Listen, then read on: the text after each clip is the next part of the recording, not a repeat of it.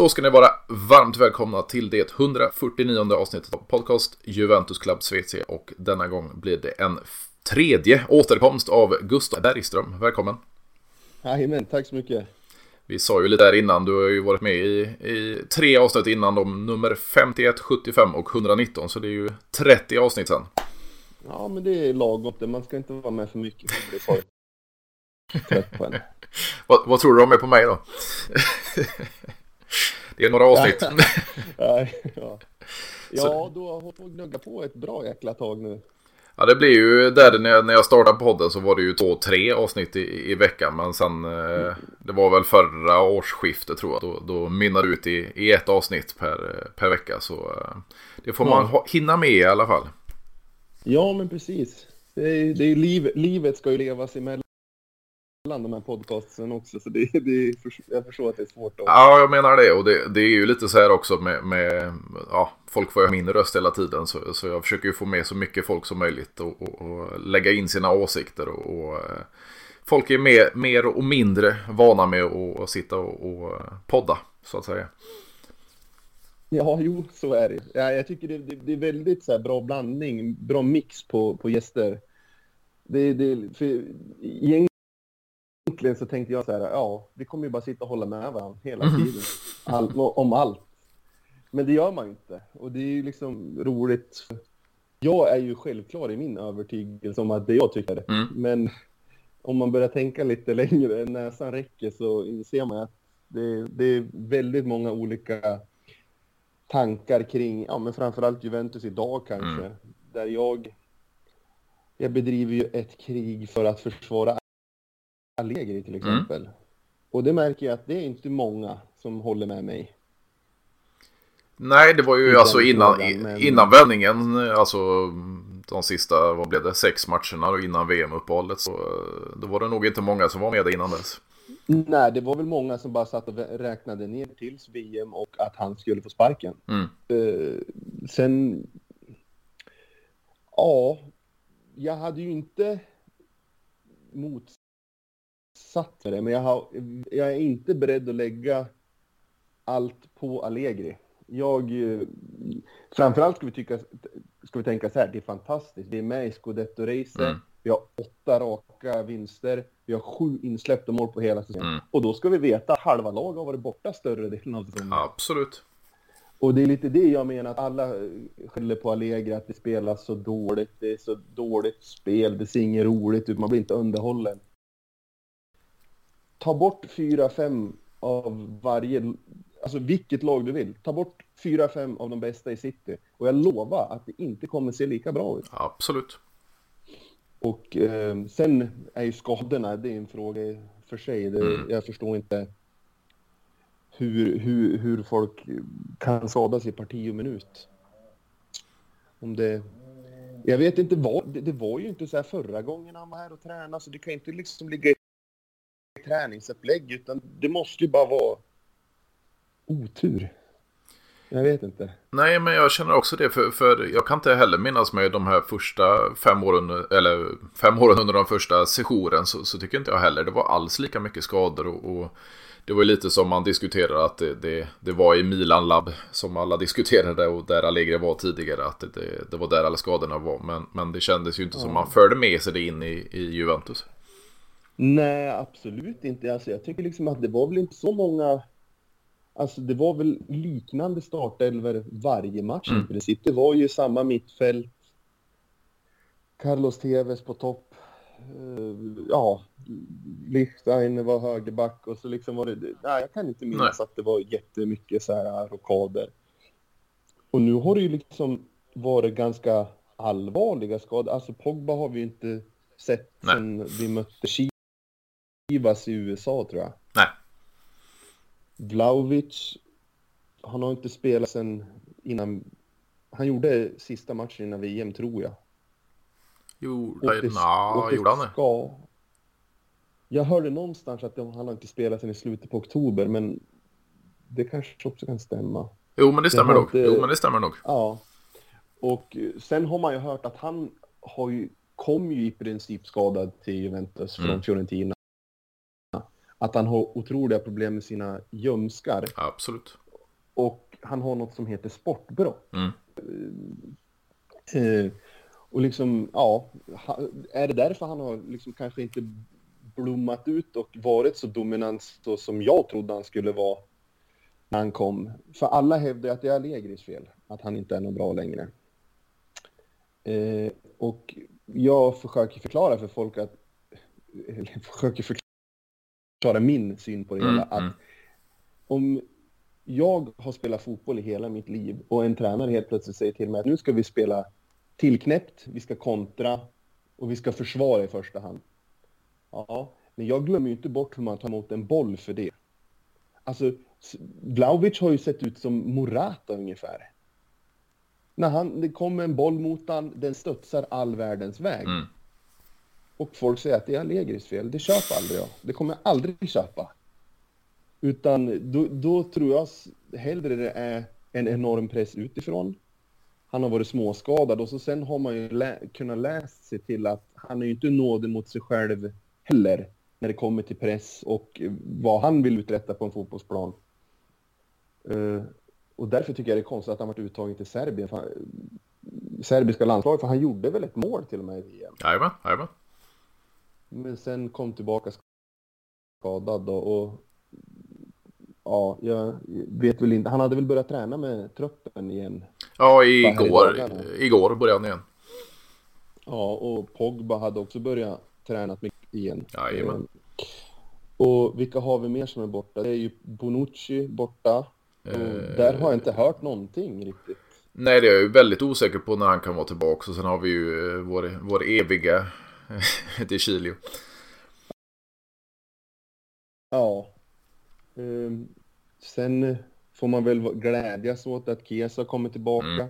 Och ser inte alls ut att ha varit borta ett år från fotbollen med ganska Absolut inte. allvarlig knäskada. Utan han kommer ju in och näst, man ser hur han vibrerar. Alltså, jag, man ska ju förstå också att när motståndarna fattar att oj, nu är han på plan. Det, det är mycket jobbigare att hålla koll på Enrico, eller Fed, Federico kommer. Chiesa än- Moise Keane. Ja, ja. Alltså, det, det, så är det ju. Det vet man ju av sig själv när man spelar fotboll och sånt. Att man, man, man kände ju till olika lags bästa spelare. Och då vart det ju fokus mer på, på dem då än andra. Mm. Eh, och eh, sen går ju han in, han kommer ju in på plan med en sån inställning att det spelar ingen roll vem som står på andra sidan. Det spelar ingen roll riktigt vad det gäller. Så han, han har ju liksom bara en växel och det är full fart hela tiden. Och eh, man var ju orolig där att just de här explosiva spelarna, att de tappar snabbhet, de tappar det.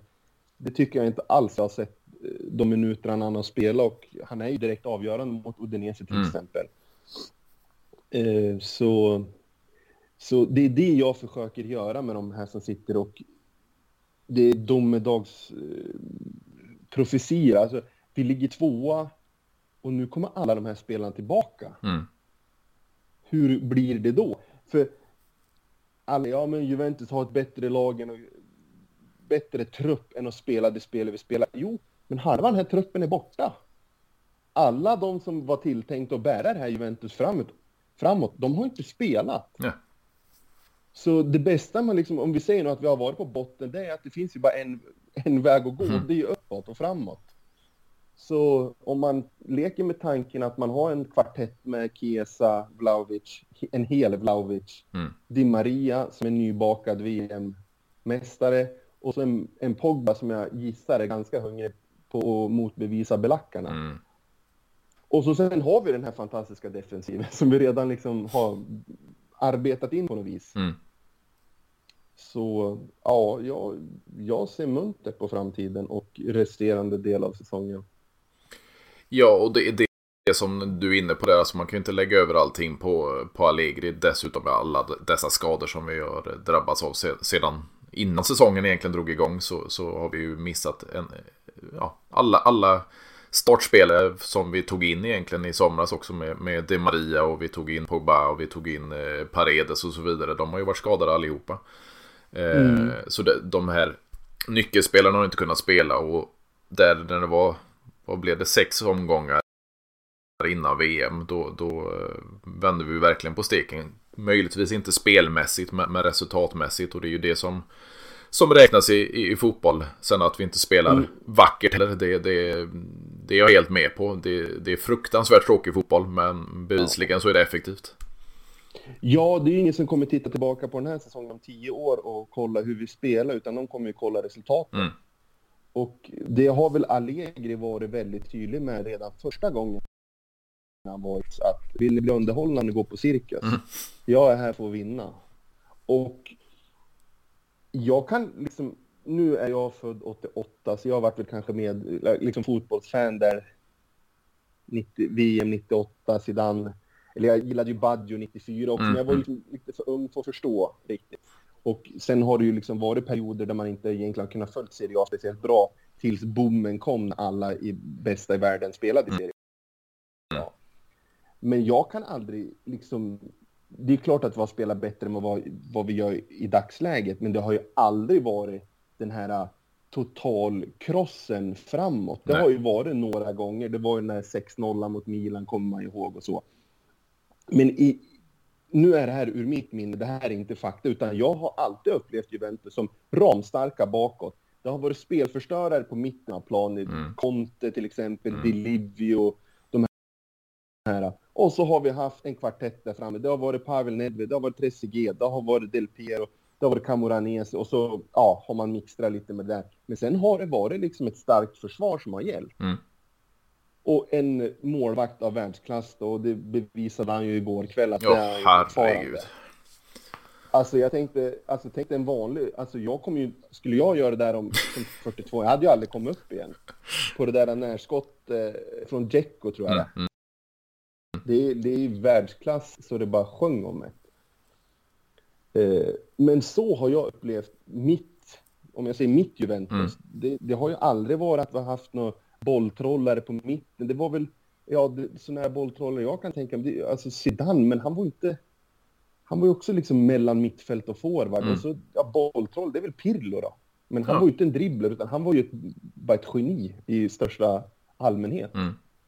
Men sen har det liksom varit starka defensiva figurer och det är ju många av våra klubblegendarer som är just försvarare.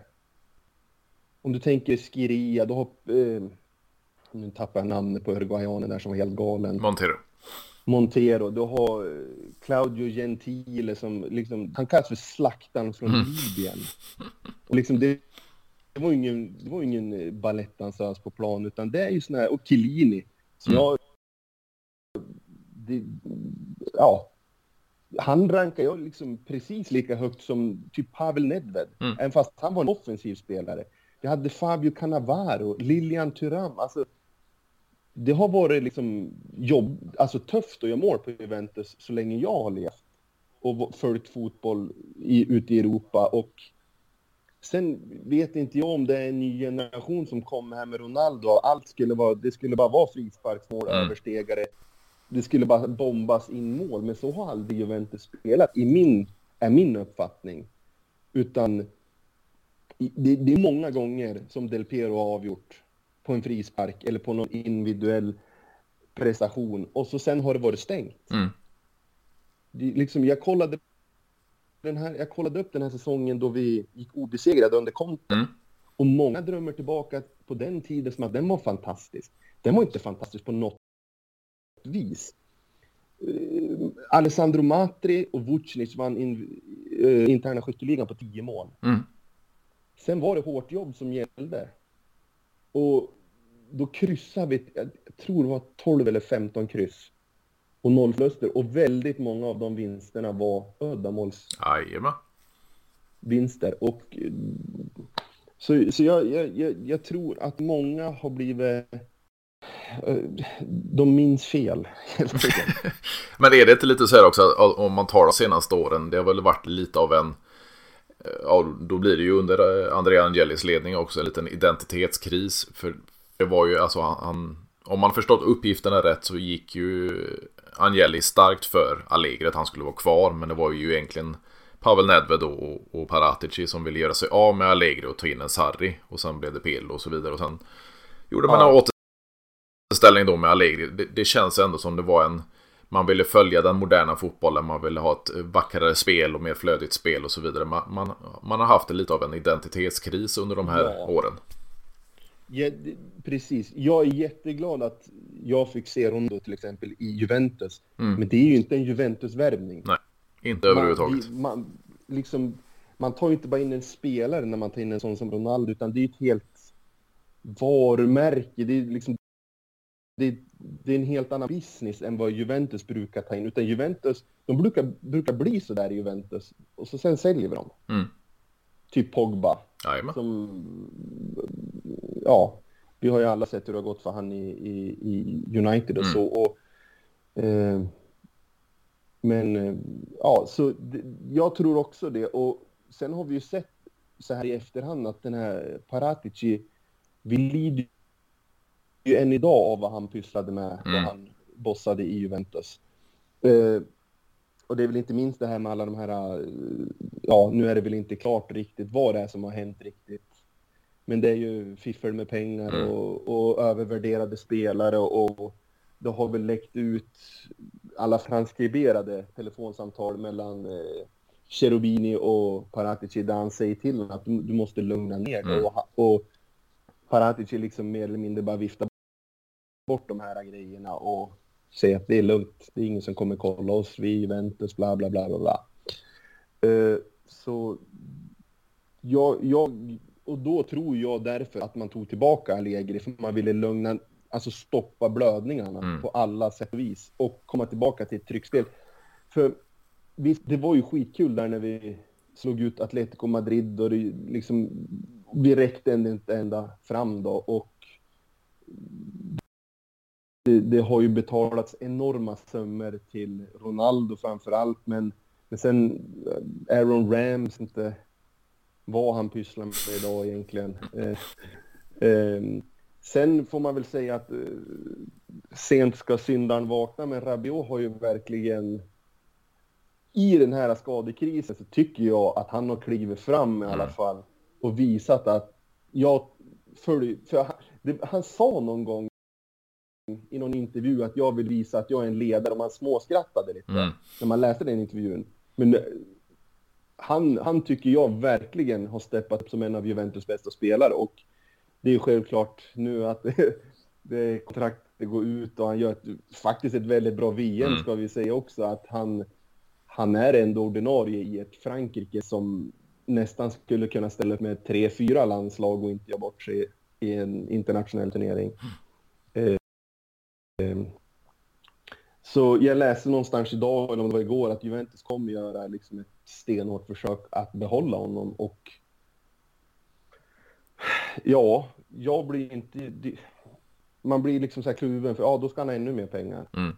Och han har redan varit, han har varit överbetald i två år säger vi, och så har han väl varit och han har legat på den lönenivån kanske i år då, den här säsongen. Mm.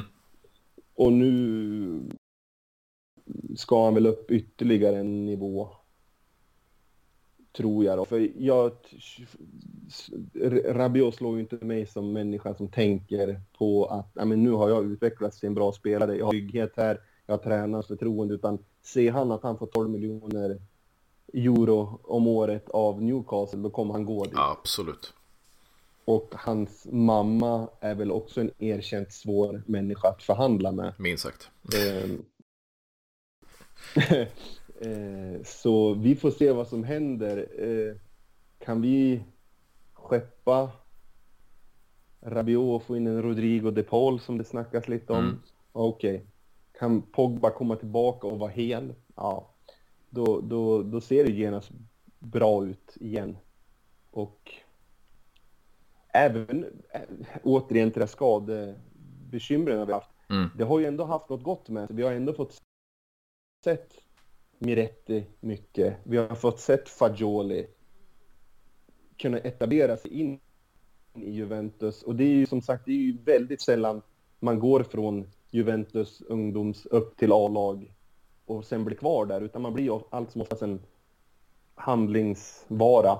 Att man blir en delbetalning eller man blir en del av en affär för en bättre spelare till min, alltså från en mindre klubb. Då, att man ja, men, ungefär som Inter gjorde när de skeppade Sagnolo och några till för att få Radjan Angola. Mm. Det är ju allt som ofta så det blir med, med de här ungdomsspelarna, tyvärr. Och eh, Fagioli har väl visat att han absolut kan vara kvar i Juventus. Det har väl Meretti gjort också.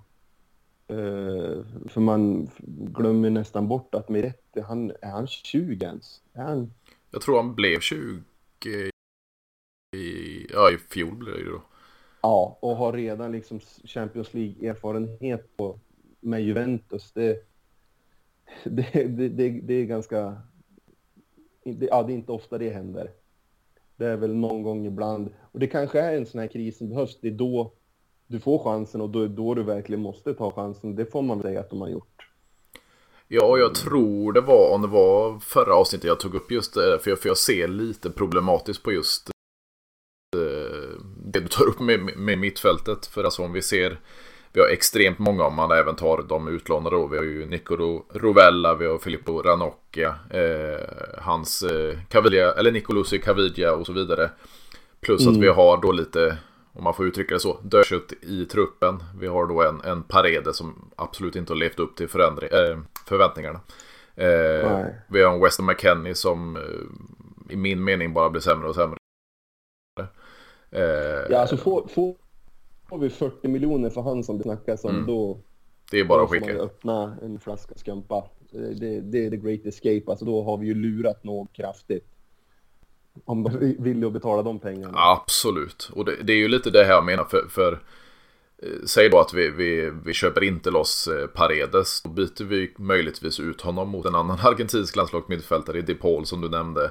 Eh, mm. Sen om han kan han, han, kan excellera i, i, Juventus nu. Han är ju van med, med Serie A med alla år i Udinese och så vidare. Men, men jag menar... väldigt bra i Udine. Ja, ja, definitivt. Han spelar ju där alldeles för länge. Var väldigt besviken på att vi inte lyckas snorpa han. Mm. Men jag tror att vi hade ett avsnitt, du och jag då, där vi pratade om att när Juventus kom och knackade, då kostade det 80 miljoner mm. euro att ta han. Men att sälja han utomlands, jag tror de fick han för typ 36. 36 640 någonting. Mm, mm. Och då var det liksom halva priset. Eh, och det är ju lite så att vara liksom det största laget i en mm. serie. Det, då, då, blir det andra priser. Men eh, ja, jo men precis, för jag känner ju liksom också att Paredes, jag kan inte tänka mig att det finns ens en tanke på att förlänga med honom. Eller köpa loss han till att börja med och förlänga med honom, utan eh, jag, jag, tror ju att vi kommer, hur ska man säga, vi kan inte köpa den där världsmittfältaren ändå. Så då, därför är det ju bättre att vi spelar på de här ungdomarna som är verkligen... Jag, jag kan ju bara föreställa mig vilken press det har varit på en sån som Fagioli som är liksom inte kanske just press utifrån just för att han är ung, orutinerad, men han är ju Juventus-fan liksom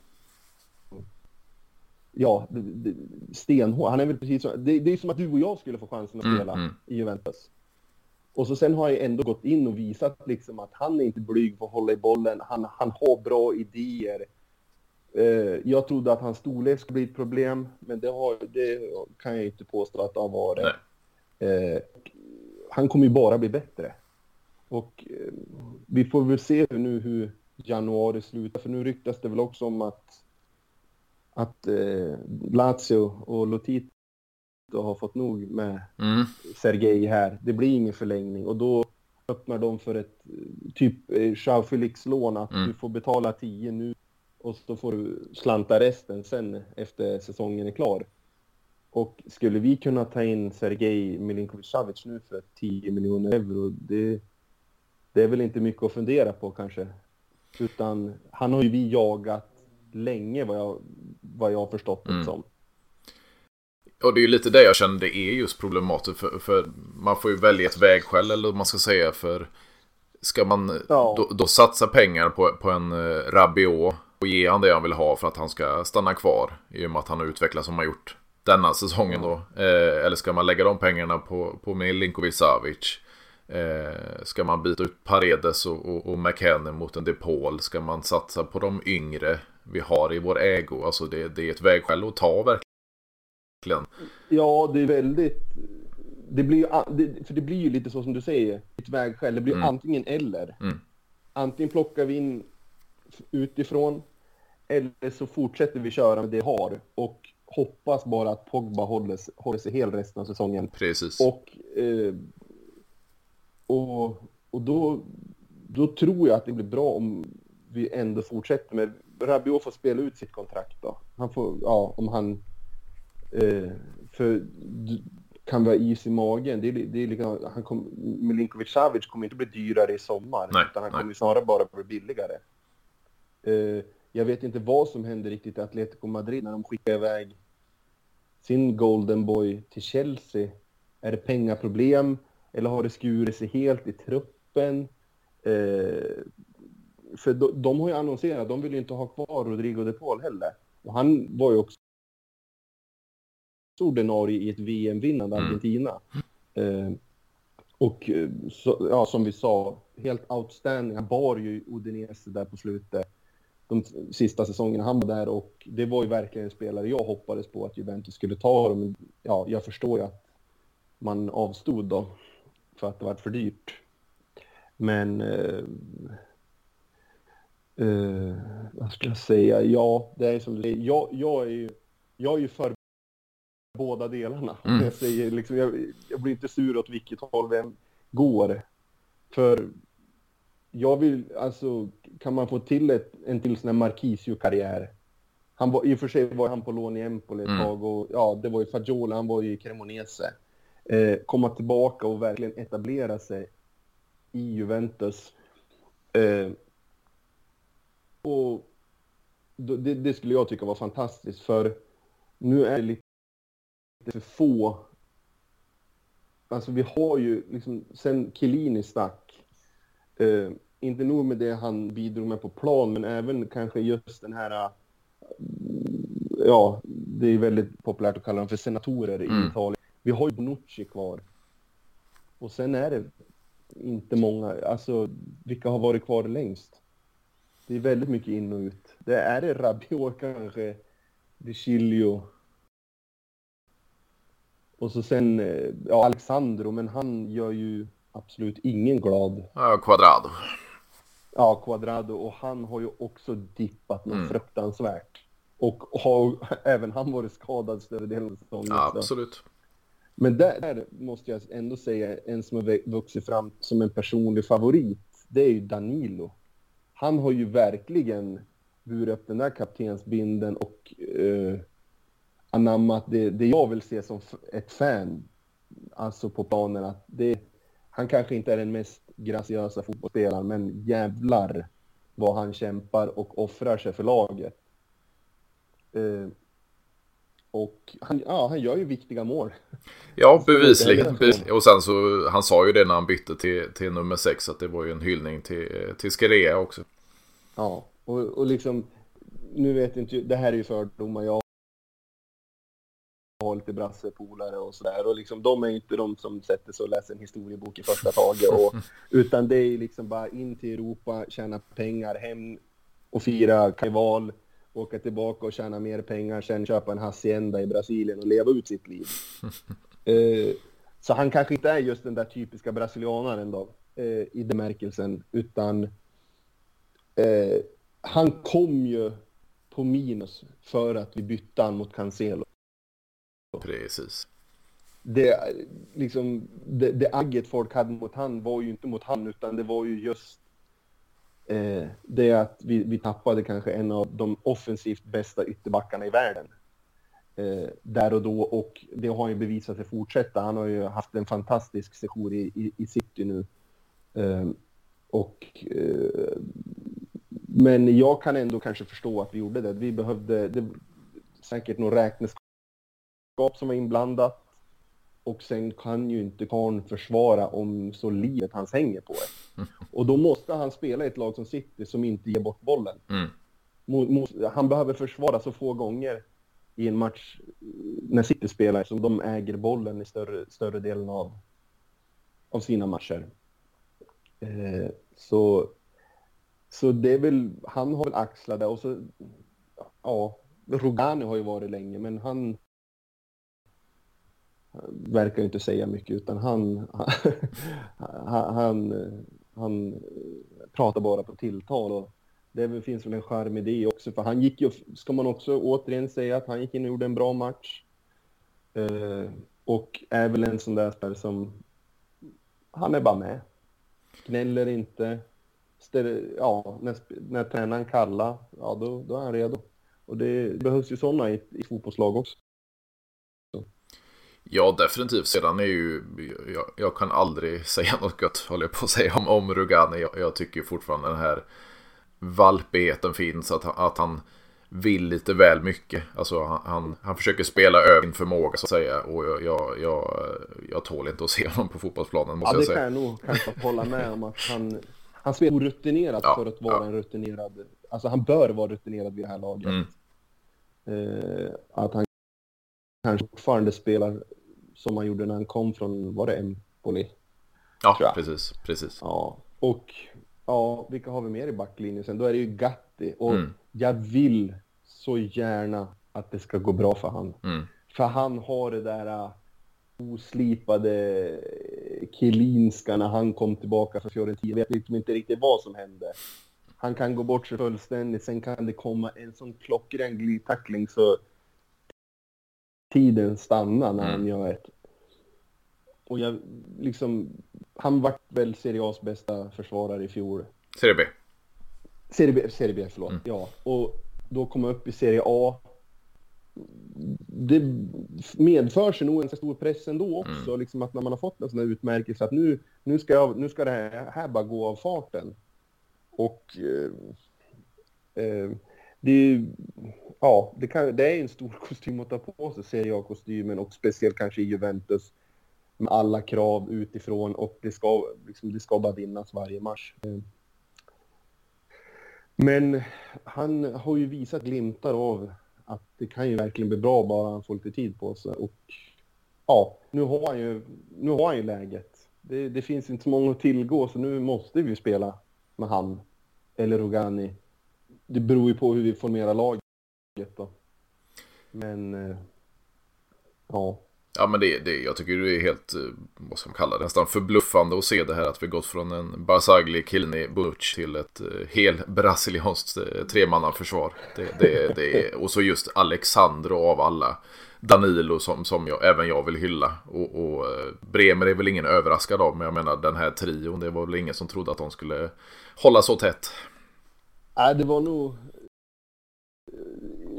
Ja, Juventus ska ha en hel sydamerikansk backlinje, det trodde jag väl kanske aldrig att jag skulle uppleva heller. Utan, eh, och sen, ja, jag, jag, det var någon som... Det, det, det, är det här som är så dåligt med Twitter, att det är mycket som bara flashar förbi och så mm. vet man egentligen inte vem som skrev det, vem som gjorde det. var i alla fall en sån här splittad bild på Bremer och eh, Delict. Mm. Jajamän. Och jag tror att under Delicts period i Juventus höll de nollan. Ja, oh, gud. 13 gånger på en säsong. Ja, ja, och det var på en hel säsong och nu har vi redan hållit så många nollor vi har hållit nu. 12. Och, ja, och det är en halv säsong kvar. Mm. Uh, det säger ju en del. Och Bremer också. Uh, han är också en sån här, hur ska man säga, inte den mittbacken jag är van att se, utan han kan komma och göra en bicicleta i straffområde. Han är otroligt snabb, mm. har man märkt. Uh, verkar ju vara något fysiskt unikum. Uh, och ja, det var, var ju inte en överraskning. Jag såg han mycket i fjol i Torino då. Och, men det är alltid det där, gå från Torino till Juventus. Det, det är inte bara att göra. Utan eh, då ska man spela, börja spela Champions League. Det, det är andra krav. Eh, men han har ju verkligen gjort det galant. Och har inte dragit på sig en handstraff, va? Mm, nej, det tror jag inte. Nej. Nej, så redan där är han ju bättre Delikt. Och jag vet inte direkt. Eh, nu, nu, jag älskar att hugga, hugga på lämnar. Men han, han fick inte ens spela i Holland vad jag såg. Nej, och nu har han det tufft. Nu såg jag att han var, var väl skadad för Bayern men han är absolut ingen eh, fast startspelare heller. Nej, så han kanske inte skulle han, han pratade så mycket om spelsättet mm. i ett spelsätt han inte uh, behärskade. Så jag tror till och med att De Vries gick före han i landslaget om jag inte missminner. För jag kommer ihåg att jag skrattade väldigt högt åt någonting åt Holland. Eh, och ja, tror man för mycket om sig själv och, och tror att man är större för bra för inte så ska man inte vara kvar där. Så enkelt är det. Och, och jag känner så här, det, jag var någon gäst som tog upp detta för eh, ganska nyligen, men, men jag känner så personligen också. Jag tar inte någon upp direkt så tänker inte jag på honom. Alltså, Nej, utan han, en parentes bara. Han kom för stora pengar, väldigt upphåsad. Eh, jag var ju väldigt, väldigt, eh, man hade de här, du vet, nykära ögonen. Absolut. Man såg, man såg inte felen förrän i efterhand. eh, men, eh, ja, nej, jag, den switchen mellan Bremer och Delict eh, vart ju väldigt, den följer väldigt bra ut för Juventus. Rent ekonomiskt och spelmässigt, måste jag säga. Ja, absolut. Och sen känns det ju som så här att har vi den här brasilianska backlinjen i, i denna säsongen och sen får väl, ja det finns ju många positioner vi behöver förstärka med men vi har ju mm. egentligen bara Bremer och, och uh, Gatti då som, som ja, de flesta tycker är otestad inklusive mig själv. Han, han behöver spela mer och, och testas mer. För Benucci ja. har inte mycket kvar. Alexandro vet vi ju inte med den här. Det påstås ju finnas en klausul och förlänga det en säsong då. Men, men vilket som så kommer han ju inte vara kvar länge i klubben. Så, så uh, hela försvarslinjen behövs ju förstärkas. Ja, eh, och nu har inte jag följt Pellegrini mycket i, i, i Tyskland där han var, Frankfurt. Jajamän, jajamän. Eh, han har följt eh, Cambiasso som vi värvade och skickade på lån har inte riktigt heller hört mycket om. Eh, vilka snackas de mer? Den är vänster eller högerbacken i Empoli? Eh, Fabiano eh, Parisi. Parisia, precis. Um, så det är ju mer sådana här YouTube-uppfattningar jag har fått av dem och det har man ju lärt sig det stället man blir att man ska passa sig för sådana. Mm. Att uh, börja bedöma spelare ut efter det. Men det, det måste ju in, om inte två vänsterbackar så i alla fall en. Vi måste ha in Ja, det, nu beror ju det på hur Gatti avslutar en säsong. Men jag ser gärna att man går för en tung värvning i centrallinjen, alltså i centrala backlinjen också, bredvid Bremer. Eh, Danilo har väl koll på högerflanken eh, än så länge. Och han har väl fått förlängt eller kommer i dagarna. Tror jag. Ja, 2026 tror jag det var till och med. Ja, så och han, han, jag är fine med att han är på högerbacken. Så länge vi får in en stark central mittback. Och så måste jag, jag klarar inte av att se Alexandro mer. Eh, han, han glimtar till, det ska jag säga, men liksom det goda liksom väger inte upp det onda när det kommer till han och vi har ju helt enkelt bara gett han ett för bra kontrakt. Annars skulle inte han vara kvar i klubben heller. För eh, jag vet inte hur, det, det, vad han än tjänar så är det för mycket.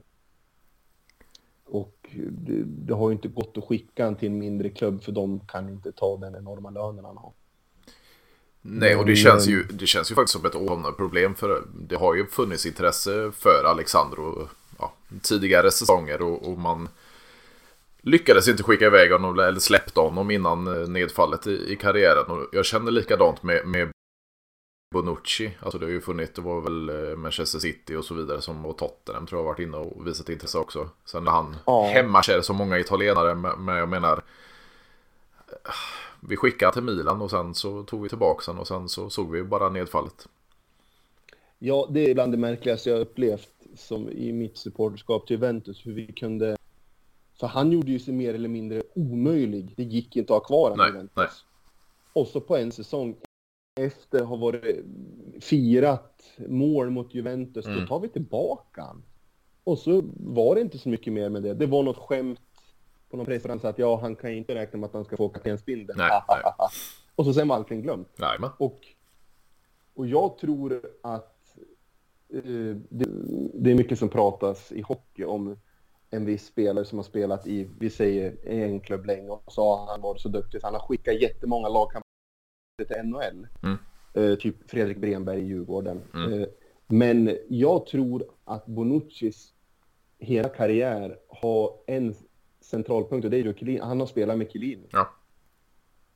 Så, och det är mycket det här att var det Mourinho som gick ut efter EM-guld och sa att de här kan hålla föredrag på Harvard om hur man ska spela försvarsspel. Mm. Bonucci, Bonucci är inte bra på att försvara. Nej. I min bok.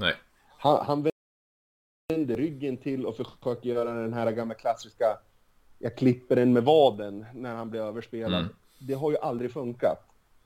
Eh, utan det är ju i mångt och mycket Chiellini som har hållit han under armen.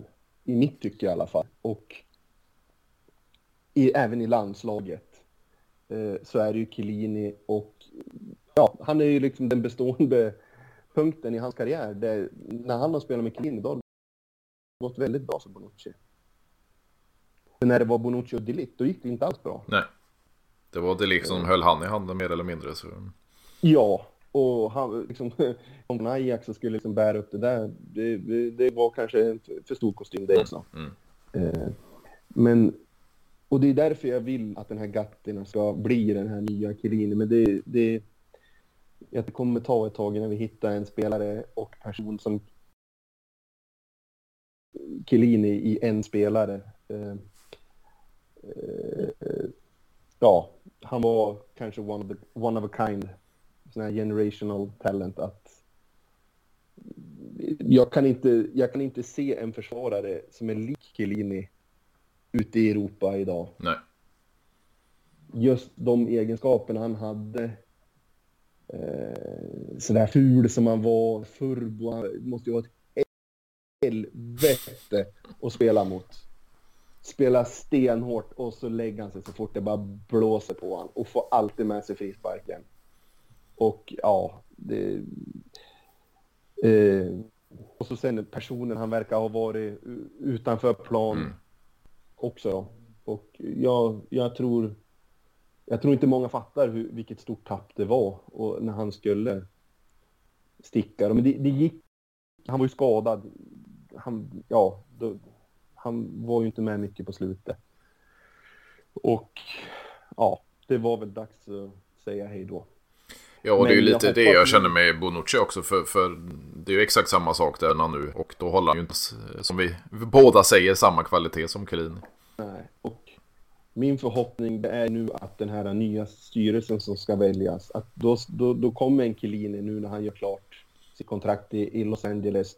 Vi får tillbaka kanske en Del Piero och få tillbaka de här gamla gubbarna som vet vad fan det handlar om eh, och spela i Juventus och att det kanske kan bli no någon sån form av eh, revolution i, i, i, klubben. För nu vet inte jag riktigt vem det är som är VD. Det, var, det är väl någon, antingen är det väl någon som är tagen från Ferrari eller så är det ju någon Eh, ska vi se, vd Mauricio Scanavino. Eh, ja. Vart chef inom, det är ju företag som tillhör Exor då. Eh, ja. GD Grupp eh, och det är ju bland annat radiokanaler och eh, tidningar. Ja. Eh, han kanske är skitbra på business-del. Mm. Men han vet inte vad, vad det handlar om att spela i, i Juventus. Och det är väl kanske det vi behöver få in då. Och John Elkan som nu styr i bakgrunden mm. har väl, det har väl kommit ut att det har varit mycket möten med Del Piero till exempel och eh, ja, jag tror att det är enormt viktigt. Även om en bara i en styrelseposition så tror jag att bara hans närvaro i klubben igen, hans aura, hans, ja, allt vad han står för måste in i klubben igen. Och även kanske just kunna ta in en Chiellini för han ska ju inte vara något pucko på sidan av plan heller utan är väl doktorand i, inom ekonomi och sånt här. Mm. Plus att han vet det handlar om att spela, vad det handlar om liksom. Så det, det är ju liksom något vi får hoppas på till nästa år.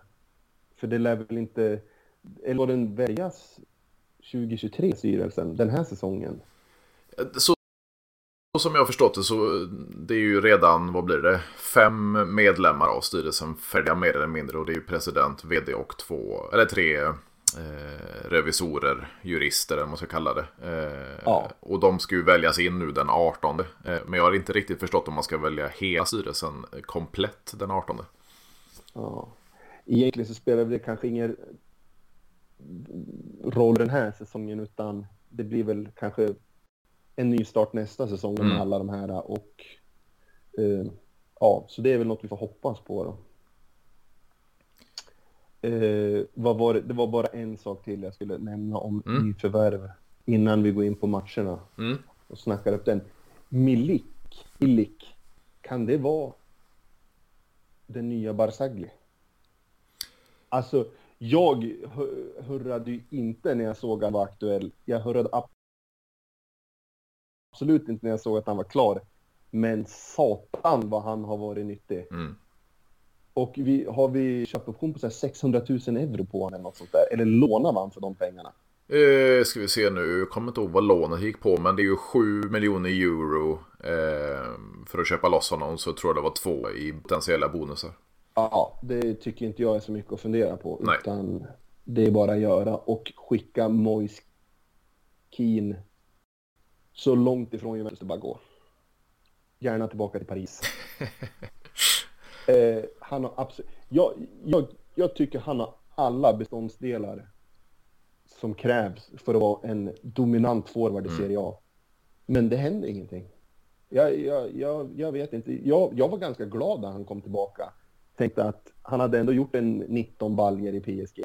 Vad det nu säger. Mm. Det, jag, kanske hade gjort sju, sju om jag hade spelat med Neymar och Messi. Det ska vi inte lägga för stor vikt vid. Men han är ung. Han är fostrad i Juventus. Han är stor. Han är snabb. Han är stark. Eh, men han är så jäkla menlös på plan. Mm. Mm. Det, jag, jag vet inte om det är så att han är speldum. Alltså han förstår inte hur man, hur man ska eh, bete sig på en fotbollsplan för att få det bästa resultatet. Så mång, många, alltså han gör ju några mål, men han har han gjort fyra i år kanske.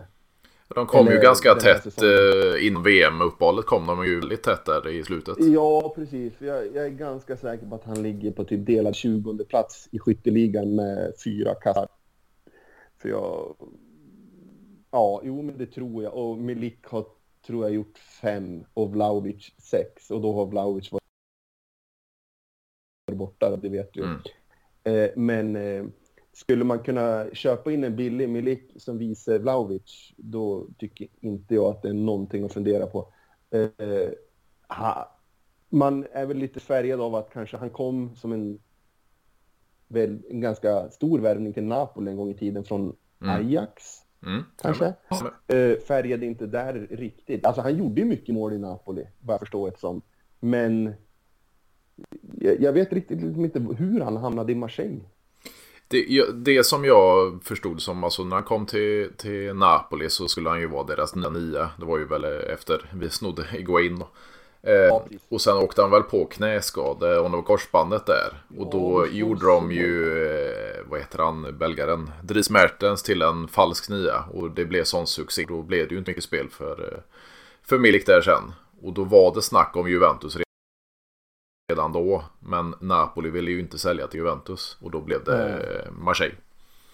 Ja, och, och då direkt liksom, då, då tänker jag på den här Piatek som kom och skulle Mm. hälsa Milan och tänker jag, ska det komma till en sån här halvdan jävla polack och liksom, nej. Men han har ju varit kanon.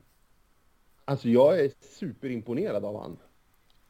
Och sen kanske det inte alltid är liksom jättebra, men det, han det är någonting jag älskar att se på en fotbollsplan. Det är spelare som försöker.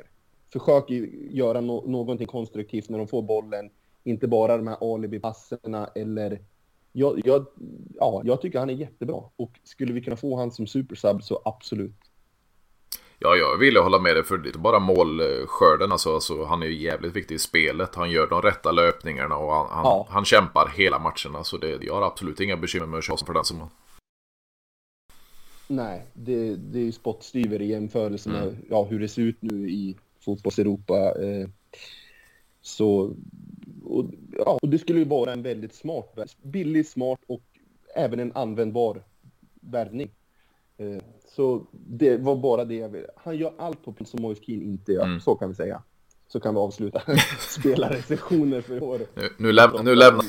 Ja. Och känns lite så här, vi får ju snacka upp. Och även ta de två. Vi startar ju, eller återstartar ju Serie A med, med Cremonese och Udinese och det blir ju 1-0 och, och 0-1 då att vi, vi fick sena mål som avgjorde de här matcherna och så står vi då mot en stundande ja, tidig så kallad seriefinal för det är ju ettan mot eh, Napoli imorgon fredag och eh, det kan ju bli vinst för Juventus. Då är det fyra poängs skillnad och, och vinst för Napoli så är det tio poängs skillnad. Så det, det kan ju avgöra mycket. Ja, vi kan ju verkligen sätta kniven mot strupen på Napoli och då vet vi ju då har vi ju sett hur de reagerar. Mm. De viker ju alltid vad det gäller. Eh, och eh, jag, jag, tror, förlorar vi imorgon så har fortfarande chansen, det vill jag säga. Absolut. Men jag tror att vi ska inte låta dem sticka allt för långt, för någon gång slår blixten ner på samma ställe två gånger och Napoli har ju varit väldigt nära att vinna Serie A. De har haft eh, Ja, men de hade Higuain när han slog eh, Gunnar Nordahls omöjliga rekord. Mm. Äh, de vann ändå inte. På något jäkla vis så vann de ändå. Mm. Eh, och jag tänker mig nu eh, har de hit Georgier som ska tydligen, han är typ bäst i världen. Mm. Eh, jag vet inte vart, ja jag direkt in i Napoli och har varit så här bra. Mm. Det, det, är smått otroligt nästan. Det är liksom man, jag har för mig att man la märke till att för Sverige tror jag spelar mot Georgien ja, någon månad innan han kom till Napoli. Det var väl i något kval där, han gjorde väl två mål till och med tror jag. Ja, och då tänkte man så jaha, ja. Men man tänkte ju inte att den där kommer göra succé, ser jag, om några månader. Eh, men det ska sägas att jag har sett Napolis, tror jag, två senaste matcher och då ser det lite ut som att han har gått på om sig själv. Han mm. spelar väldigt svårt, väldigt små marginaler. Eh, ska nästan vara överkonstruktiv och eh, kan bara vi sätta Rabiot och Danilo på han så är mycket vunnet. Eh, sen är det ju Osimhen vi måste se upp, se upp med, för han verkar ju kunna göra mål på alla möjliga sätt och vis. Och det, det, det, det är då man hoppas verkligen att Bremer är fit for fight imorgon. Jag vet inte riktigt vad rapporten säger, men jag såg att han var ganska kraftigt bandage på på knät när jag såg några gymbilder här. Det var någon video som kom mm, ut igår mm. eller något. Eh, så kan Bremer spela så jag på vinst imorgon. Jo men det, det, de säger, jag tror det var både Romeo Agresti och eh, Sky Sports, de säger att han, han är tillgänglig och spelklar ja. eh, för morgondagens match och då, då känns det genast mycket, mycket säkrare. Eh... Ja, precis. Kunna matcha Osimens snabbhet framför allt mm. och ja, styrka in i boxen. För sen tror jag att det är dags för Federico Chiesa att göra mål. Ja. Absolut. Uh, så jag, för tittar man på Napolis lag, uh, de har någon... Jag, jag frågar min svärfar som är från Tjeckien och mm. jag min fästmö är slovakiska, tjeckiska. Den här Sobotka, har de snackat något om han i Slovakien? Nej, de vet ju inte ens vem det är, men han liksom kanon på, på Napolis mittfält på något vis. Vilka har de mer? Eh, nej, jag vet, Juan Jesus, jag vet vilka spelar i Napoli ens? Ja, det, Man har ju det... bara hört Osimhen och Kvar, Kvaradona säga. Kvarspela, ja precis. Eh, det är ju de som har, de två som har varit fantastiska. Så, så sen har de ju de här uh, som de har haft ett tag, unga killar. Uh, är de albaner? Uh, Adam, vad heter han? Uh, han gjorde väl straffmål här förra matchen, tror jag. Elmas eller något sånt där heter mm, han. Jajamän. Och de, så det är ett superlag vi möter imorgon. Ja, men det är ju lite så här om man tar sig igenom deras trupp så är det, det är ju lite som du säger så här att de har ju de här eh, Osimhen och så eh, Hirving Lozano, mexikanen. Sen har ju, vad heter det? Zielinski glömmer jag bort. Jajamän, och sen så är det ju eh, eh, vad heter han? Anguissa som har gjort det riktigt bra på mittfältet. Där. Ja, just det, han ja. Sen har de ju tagit in Kvargelia, de har tagit in eh, Kim, alltså i mittbackslås istället för, för eh, Eh, gud, nu står det still. Eh, Kolibali. Eh, ja. Raspadori kom ju in i somras. Eh, sen har de ju, det är ju Lotto som du säger. Sen är det ju, ja, Politano är väl ingen superspelare. Nej. Eh, så alltså tittar man på pappret så är det inte ett lag som man bör, bör frukta. Men de har ju hittat ett spel som är väldigt vägvinnande. Mm. Det, det, går ju inte att säga något här. Eh, de måste ju ha prickat rätt på exakt varje värv de har gjort i år. Alltså ja. Raspadori, svinbra. Mm. Kim som de skrattar åt, svinbra. Mm. Eh, Kvarger, svinbra. och så ser jag de har ett, eh, en Dumbe som var väl någon succéman i Tottenham där ett tag. Mm. Eh, och så har de ju fått igång Zelinski, har ju spelat väldigt bra. Men det här, är, det här laget är inte omöjligt att slå eller? Det... Nej men jag känner det alltså om, om vi bortser från, från eh, morgondagens match om man ser långa loppet. Alltså det har ju varit inne på tidigare. Dels har ju inte Napoli en vinnande kultur i, i, i klubben så att säga. Eh, och sen får du en skapa de här spelarna. Alltså innan hade man mer eller mindre en Koulibaly i, i mittlåset som, som var den bärande spelaren. Nu har det blivit Kim. Mm. Går han sönder? Och det verkar vara lite skadeproblem på honom just nu Ja, dessutom. jag har läst att han kanske inte är med imorgon. Precis. Och går Kvaratskhelia sönder, går Osimhen sönder igen. Han hade ju vad det, ansikts och så vidare. Eh, mm. om, om Raspadori går sönder eller Zielinski och så vidare. Det är ju inte så att de har världens bredaste trupp heller. Nej, det är ju lite det att hela serien, alltså nu börjar ju Milan få skadeproblem. Mm. Eh, Inter vet jag inte riktigt vad de pysslar med, men ja. Men för, för Napoli har det ju bara varit liksom frilejd att ta den här första platsen känns som. Mm. Allting har klaffat hittills för Napoli. Som säger, skulle Osimhen vara borta en månad, då är det ett annat lag. Mm. Eh, de har ju Simeone som gjorde mål där mot eh, Liverpool och sådär, men han är ju en provinsspelare, det är ingen bra spelare. Han Eh, ja, liksom, och så ja, får vi se nu den här Kim och så den här Jim City eller vad han heter. Mm, mm. Eh, och ja, då, då, då, ska Juan Jesus gå in och försvara istället. Och då, ja, han har vi, vet, känner vi sedan gammalt.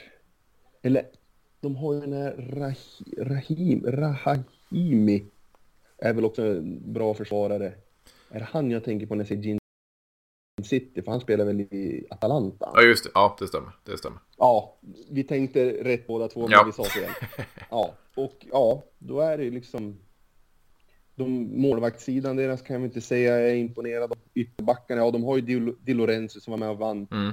vann EM. Han är ju en sån här stabil, ful... Eh, en liten eh, Lichsteiner-kopia nästan. Mm. Inte riktigt bra fotbollsspelare, men ändå fungerande fotbollsspelare och uh, gör sitt jobb varje match. Sen har de ju Mar Mario Rui, uh, klappkass, mm. värdelös. Mm. Uh, och så jag, jag ser fram emot matchen imorgon och jag tror att är bara Kesa med, då får Juventus X-faktorn som vi har saknat hela säsongen. Då tror jag att det här kan bli väldigt bra. Vi säger Rabiot kan neutralisera Zelin Danilo klipper den här uh, Georgien direkt. Då... För, för ja, det känns lite som att är det första gången Juventus åker och spelar borta i Napel, på, i alla fall på väldigt länge, som underdogs. Ja, nu är, det, nu är det faktiskt lite pressen på Napoli känner mm, jag. Mm. Uh, för alla liksom, det, det stormar ju Juventus, vi har inget spel, bla bla bla bla. Och allt är frid och fröjd höjd i Napoli, de har slagit eh, Liverpool, de är vidare i Champions League. Det är liksom... Det kan surra till i skallen på dem och så vill vi liksom... Ja, det kommer ju... Nu vet jag, heter den Stadio Diego Maradona? Mm, mm. Ja, det, det kommer ju vara ett jäkla tryck.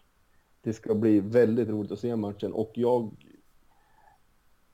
ser Napoli krokna under pressen. det... Jo, men jag känner, jag känner faktiskt samma. Det, det, det, de, all press ligger på, på Napoli för alltså den här hösten som de hade eh, mm. och, och Spalletti har satt sitt. De har fått in spelare så som du sa där att de, de, de har satt sina nyförvärv och de, de har fungerat perfekt i Napoli. Nu kommer Juventus sakta men säkert. Eh, mm. och, och, som du säger med de andra Milan och, och Inter och så vidare, de har bekymmer. Så det är Juventus som vågar efter. Och då var det väl ingen som trodde, om vi hoppar tillbaka till, till september, oktober, att Juventus skulle Nej. ta in de här poängen. Nej, då var det väl... Då, då satt man ju och bara hoppas på fjärdeplatsen. Mm. Jag tycker att det blåser scudetto-vindar och som var tidigare i programmet här att när Juventus har sina spelare friska, då har vi överlägset bästa anfallet i hela ligan. Mm. Det, det inte det finns något snack om. Ja visst, Inter har Lautaro. Jag tycker inte han är... Jag får inget riktigt grepp om han som. Nej, nej, nej. Jag tycker det är ytterst märkligt att han kan titulera sig som VM med guldmedaljör. Eh, sen vet man ju inte riktigt anfallsparet i Atalanta vet jag inte riktigt vad som hände. Eh, Moriel spårlöst försvunnen. Mm. Ja, det är väl någon norrman eller dansk som spelar med Zapata nu. Jajamän.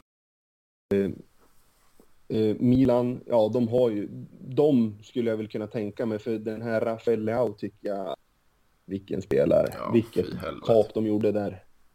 Och nu, det, det, han kommer ju inte vara kvar i Serie A längre och jag, det är nästan så att jag unnar Milan att få förlänga med honom mm. för att kunna casha in och kunna bygga nytt.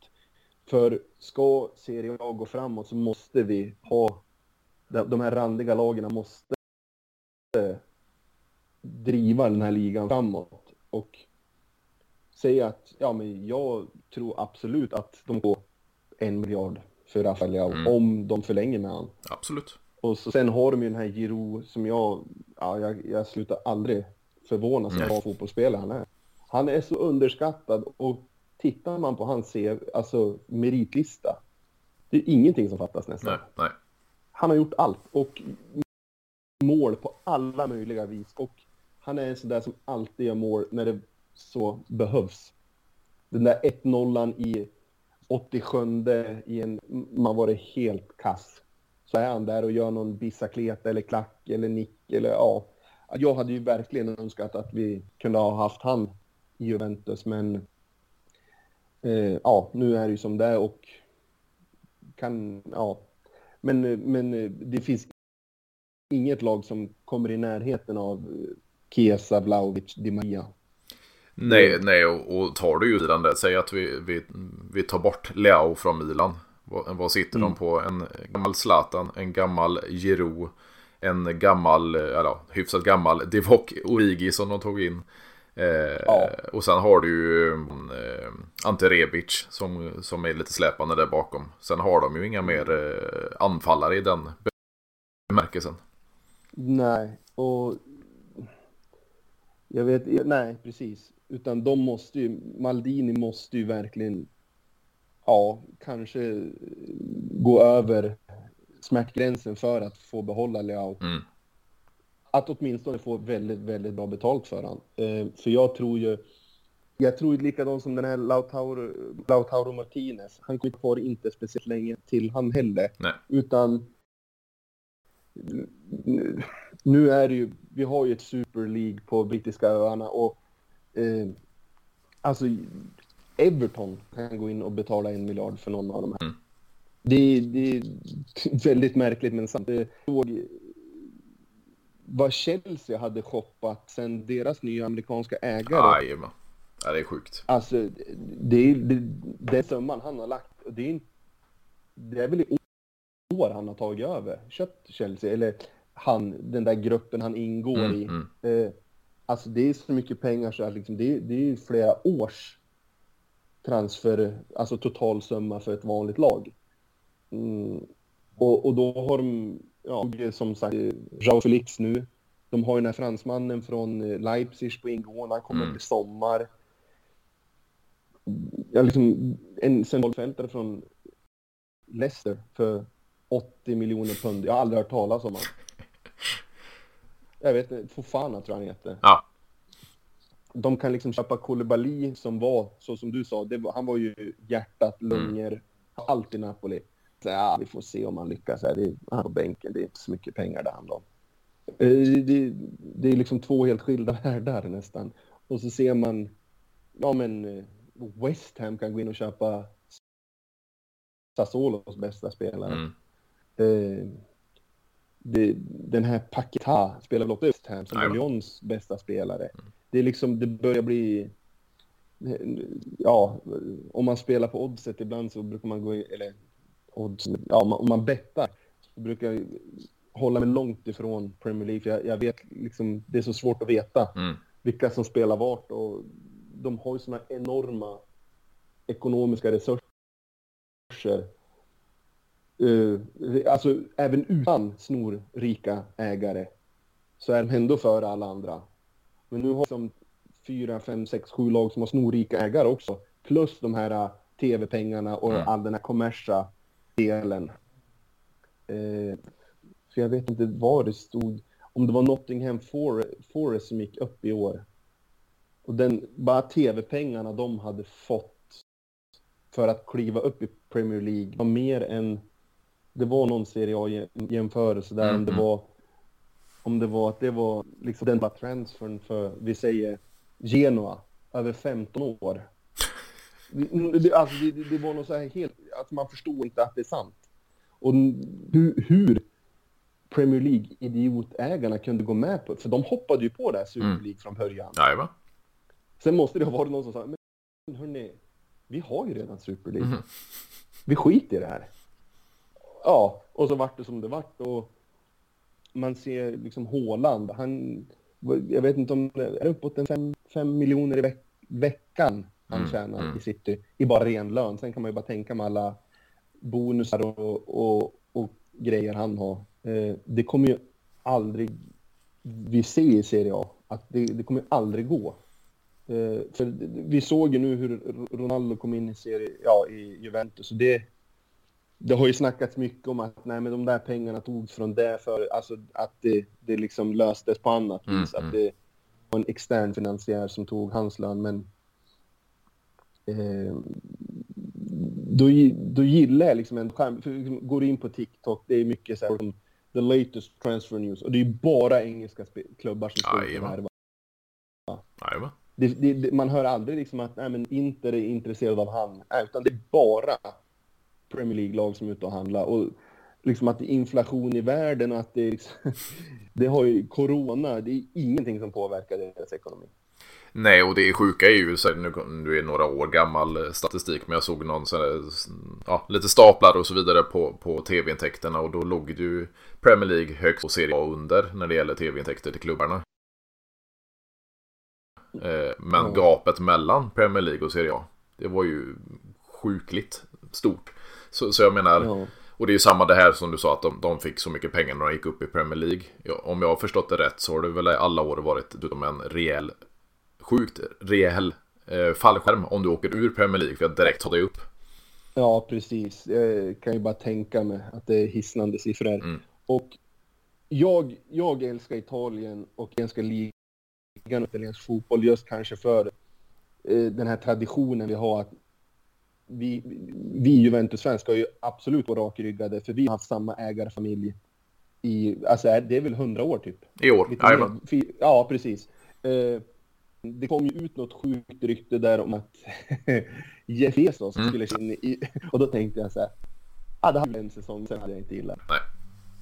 Ja, det, det, det är vulgärt nästan, det som sker i Premier League. Eh, och jag vill absolut inte att Juventus ska hamna i något sånt. Men det hade varit roligt om världens rikaste man gick in i Juventus och ja, jag, man kan ju tänka sig vad som har hänt. Det, ja, det, nej, det, det hoppas jag förblir ett rykte bara. Ja, definitivt. Det ska vara fortsatt Angeli-ägt och i, ja. i Italien framförallt kanske. Ja, framför Och så sen ska vi säga så här.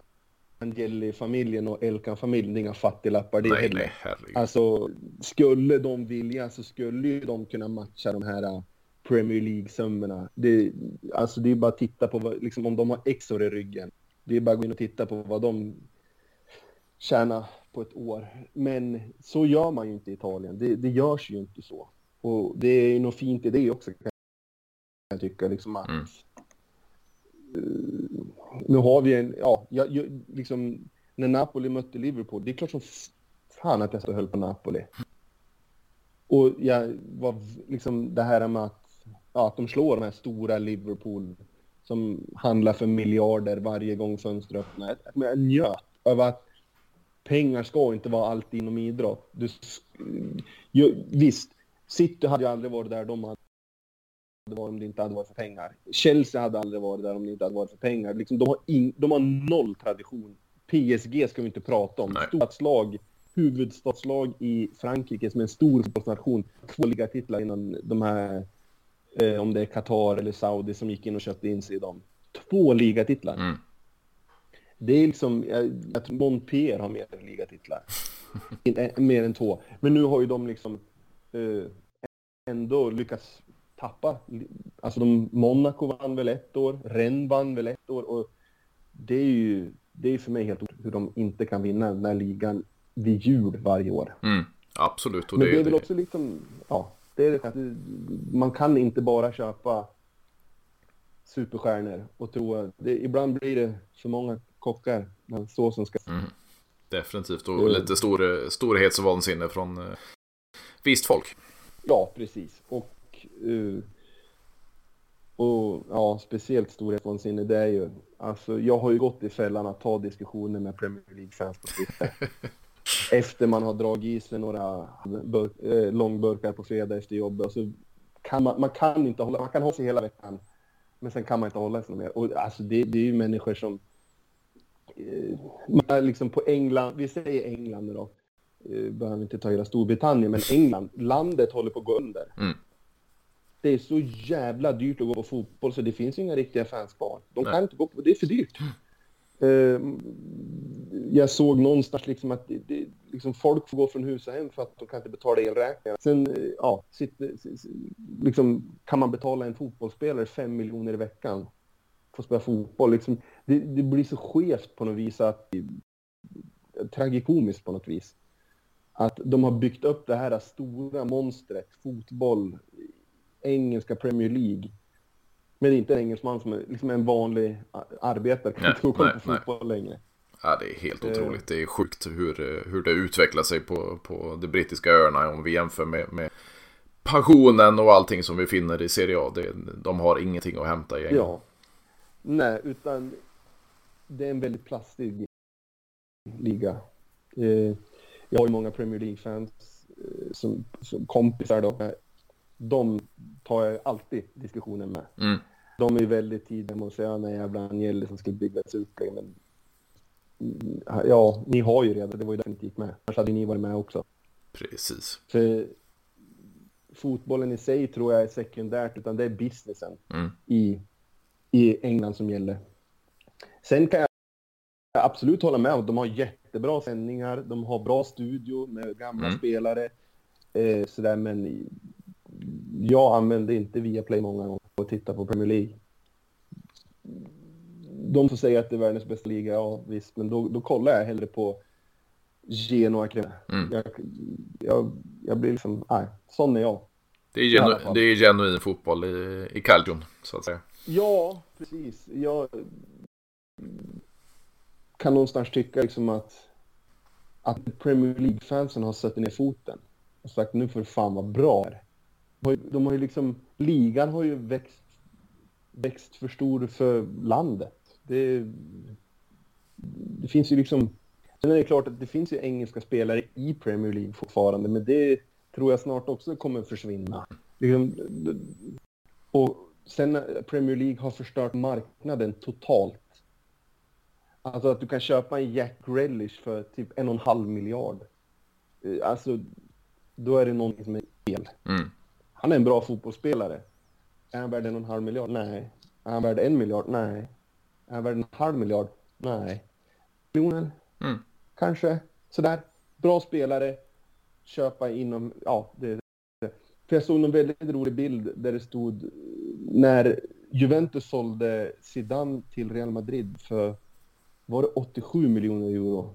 Då. Mm. Och så, och så vad skulle han kosta idag i sin prime? Ja. 3,5-4 miljarder då?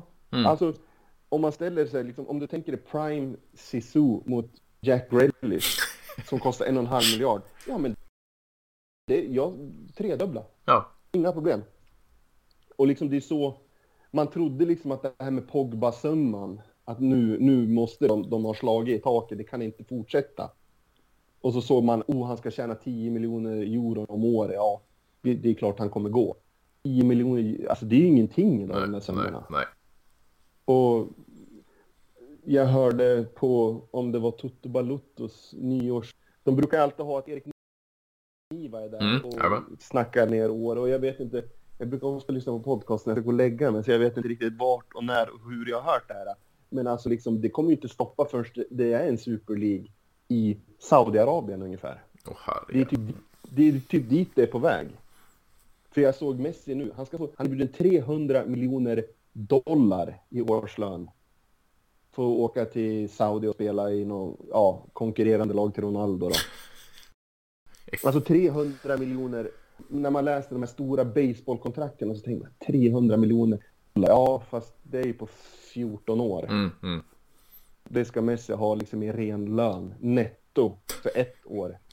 Och han är liksom slut som spelare egentligen. Alltså, jag, jag trodde han skulle floppa i det här VMet. För han har ju inte varit bra i PSG sen han kom dit. Mm. Men han kvicknade till eh, och fick vinna förbannade VM-guld. och som det, det, ja, jag, ska, jag är konspiratoriskt lagd så de fick hjälp att vinna det där VM-guldet tycker jag av domarna. Och det sa de ju redan på förhand. Att han är ju ambassadör för, Qatar. Eh, ja. Det var inte jättetydligt men jag tycker vill man hitta något så kan man leta och så Absolut. hittar man något. Eh, men liksom han ska ju mer eller mindre åka dit och, och, och bara byta om och gå ut på en pro 300 miljoner dollar om året. Eh, det säger en sak om vart fotväg, det säger en annan om hur rik de här människorna är. Mm. Mm. Jag ja, har ju lyssnat på de här, ja, jag brukar lyssna mycket på Mm. de här pratar om folks rikedomar, att de tror att det är Rothschild som är rikast i världen. De här som styr alla centralbanker i världen Mm. och sånt, men det går inte att jämföra med de, här äh, kungadömena i Mellanöstern. Eh, och det, ja, det ser vi nu, liksom den här äh, killen som köpte Newcastle. Mm. Det är väl ungefär som att gå och köpa en Piggelin ungefär. och, och, och jag tycker det är skrämmande att de här människorna börjar få, få klona mer och mer. Fifa bryr sig inte längre om hur mycket vi anklagar. Alltså det är så, det är så öppet, de, de här mutskandalerna. Det är så liksom, de vet ju, folk kommer ju rycka på axlarna och jag kollade på VM. Jag kommer kolla på nästa VM även om det går i Saudi. Liksom, de, de skiter i vilket nu. Och att korruptionen är så utbredd inom de här länderna som styr fotbollen i Europa och världen. Eh, ja, tyvärr har de ju fått klorna i det och det kommer ju bara bli värre. Ja, och det är därför jag vill att det ska inte in någon Jeff Bezos och sånt i Serie A utan, eller absolut inte Juventus men vi, de här, och det är därför jag förstår att Angeli ville få till det här äh, Super League. För, för varje år kommer det bara glappet bli större och större och större och större. Och snart, alla har ju ett pris. Jag vet att italienarna är hemkära och, och, och har den här kärleken till calcio och det är tradition och det, men skulle Federico Chiesa tacka nej till 6 miljoner i veckan? Jag, jag vet inte. Jag vill tro att han skulle Mm. göra det, men jag vet inte. Jag, absolut, jag skulle absolut inte satsa pengar på det. Och jag skulle inte kunna bli sur på det. För jag förstår ju Mm. att eh, det blir så. Eh, och agentbranschen blir bara smutsigare och smutsigare.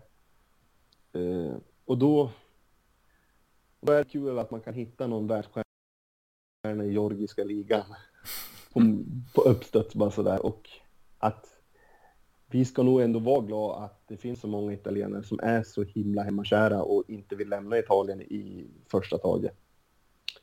Eh, för då kommer ju de försvinna till, till Premier League. De, alla vägar kommer bära till Premier League tills det blir en Super League i Saudi. Mm. Och ja, då, då är det ju så här. Då kommer de lämna Europa och då blir, kommer Real Madrid, Barca, Juventus, Inter, Milan, kommer de stanna i Europa eller kommer... För annars blir det ju i princip att de flyttar Premier League till Saudiarabien egentligen. Herregud. För, som vi säger nu, den vanliga människan i England kan ju inte gå på fotboll. Utan det är ju de här äh, fotbollsturisterna som kan tänka sig att lägga 1700 spänn en gång för att vi är ju ändå i England. Liksom det ingår i resekassan, men en Arsenal-supporter kanske inte vill lägga 1700 kronor varje match heller. Jag vet inte ens, jag vill inte ens tänka på ett säsongskort kostar. Så ja, den som lever får se. Men ja. Ja, vi, håller, vi håller oss till vår kära Serie A och, och eh, får hoppas att vi, vi blir fortsatt italienska framöver. Och eh, hoppas på en vinst och tre poäng i, imorgon i Neapel. Jag tror stenhårt på det. Det, det är skönt att höra det. Då, eh, man behöver lite dessa tider med, med, med en tuff tid om man ser på, på Juventus och lag med Lalle. Så, så är det skönt att det går sportsligt åt rätt håll i alla fall. Ja, precis. Man får vara glad för det lilla tänkte jag säga. Men, ja. Eh, absolut. Ja, men det strålar. Men stort tack Gustav för att du ville vara med igen. Det blir ett eh, gediget avsnitt och, och eh, tuggat igenom hela kängan till Premier League och så vidare. Så det, det, det blir ett matigt och härligt avsnitt. Ja, absolut. Man ska alltid ge en känga till Premier League. så fort man får chans. Det är det, som jag sa till innan, jag har haft kontakt med sex Napoli-supportrar inför matchen. Och, och det var dåligt med tid, men då finns alltid du där. Jajamän. Strålande. Så hörs vi tidigare tre avsnitt framöver. Jajamän. Hej.